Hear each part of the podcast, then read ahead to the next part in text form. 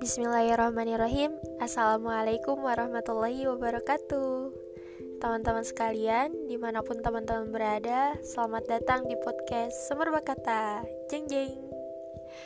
Ya ini adalah podcast perdana yang direkam oleh seorang Suci Yang semoga ada manfaatnya buat teman-teman yang lagi dengerin.